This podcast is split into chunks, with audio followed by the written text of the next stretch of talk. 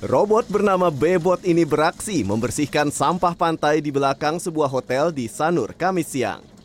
Bebot ini hilir mudik sepanjang pantai untuk mengangkat sampah yang tertanam di dalam pasir. Secara otomatis, robot akan memisahkan pasir dan sampah. Kedalaman sampah di dalam pasir yang akan dibersihkan bisa diatur, antara 3 cm hingga 10 cm. Semua operasional dan pengaturan robot ini menggunakan remote control yang bisa dikendalikan dari jarak 150 meter. Selama ini, pembersihan pantai hanya menggunakan sapu atau garu yang biasanya hanya mampu menggaruk sampah di kedalaman pasir setebal 3 cm.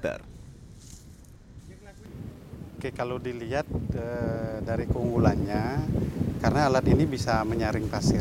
Jadi meng, kalau kita lihat di pasir itu kelihatannya sudah halus, sudah bersih, tapi dengan alat ini kita bisa e, menyaring dengan kedalaman sekitar e, jejaknya 10 cm di dalam pasir, itu kita bisa mendapatkan sampah-sampah yang tidak terduga di dalam pasir.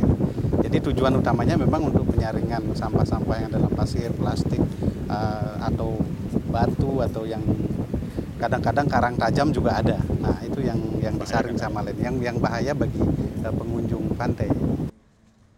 Robot pembersih pantai yang diklaim pertama kali di Indonesia ini mulai digunakan pengelola hotel sejak 31 Oktober lalu. Robot bebot sepanjang 2,3 meter ini menggunakan baterai yang bisa dicas listrik dan sel surya di punggung robot. Daya baterainya mampu untuk 4 jam operasional. Namun robot ini hanya boleh membersihkan pasir kering. Dari sepanjang 100 meter pasir yang dibersihkan, rata-rata sedikitnya 44 kg sampah berhasil disaring. Dan inilah sampah yang berhasil diangkat dan dipisahkan dari pasir pantai. Ada sampah sendal bekas yang didapatkan dari kedalaman 10 cm, sampah plastik, potongan kerang dan koral tajam, hingga puntung rokok. Ya, teknologi memang membantu manusia untuk melakukan atau mempermudah pekerjaan. Nah, untuk melakukan pembersihan sampah tidak hanya siapa yang melakukan atau alat apa yang digunakan.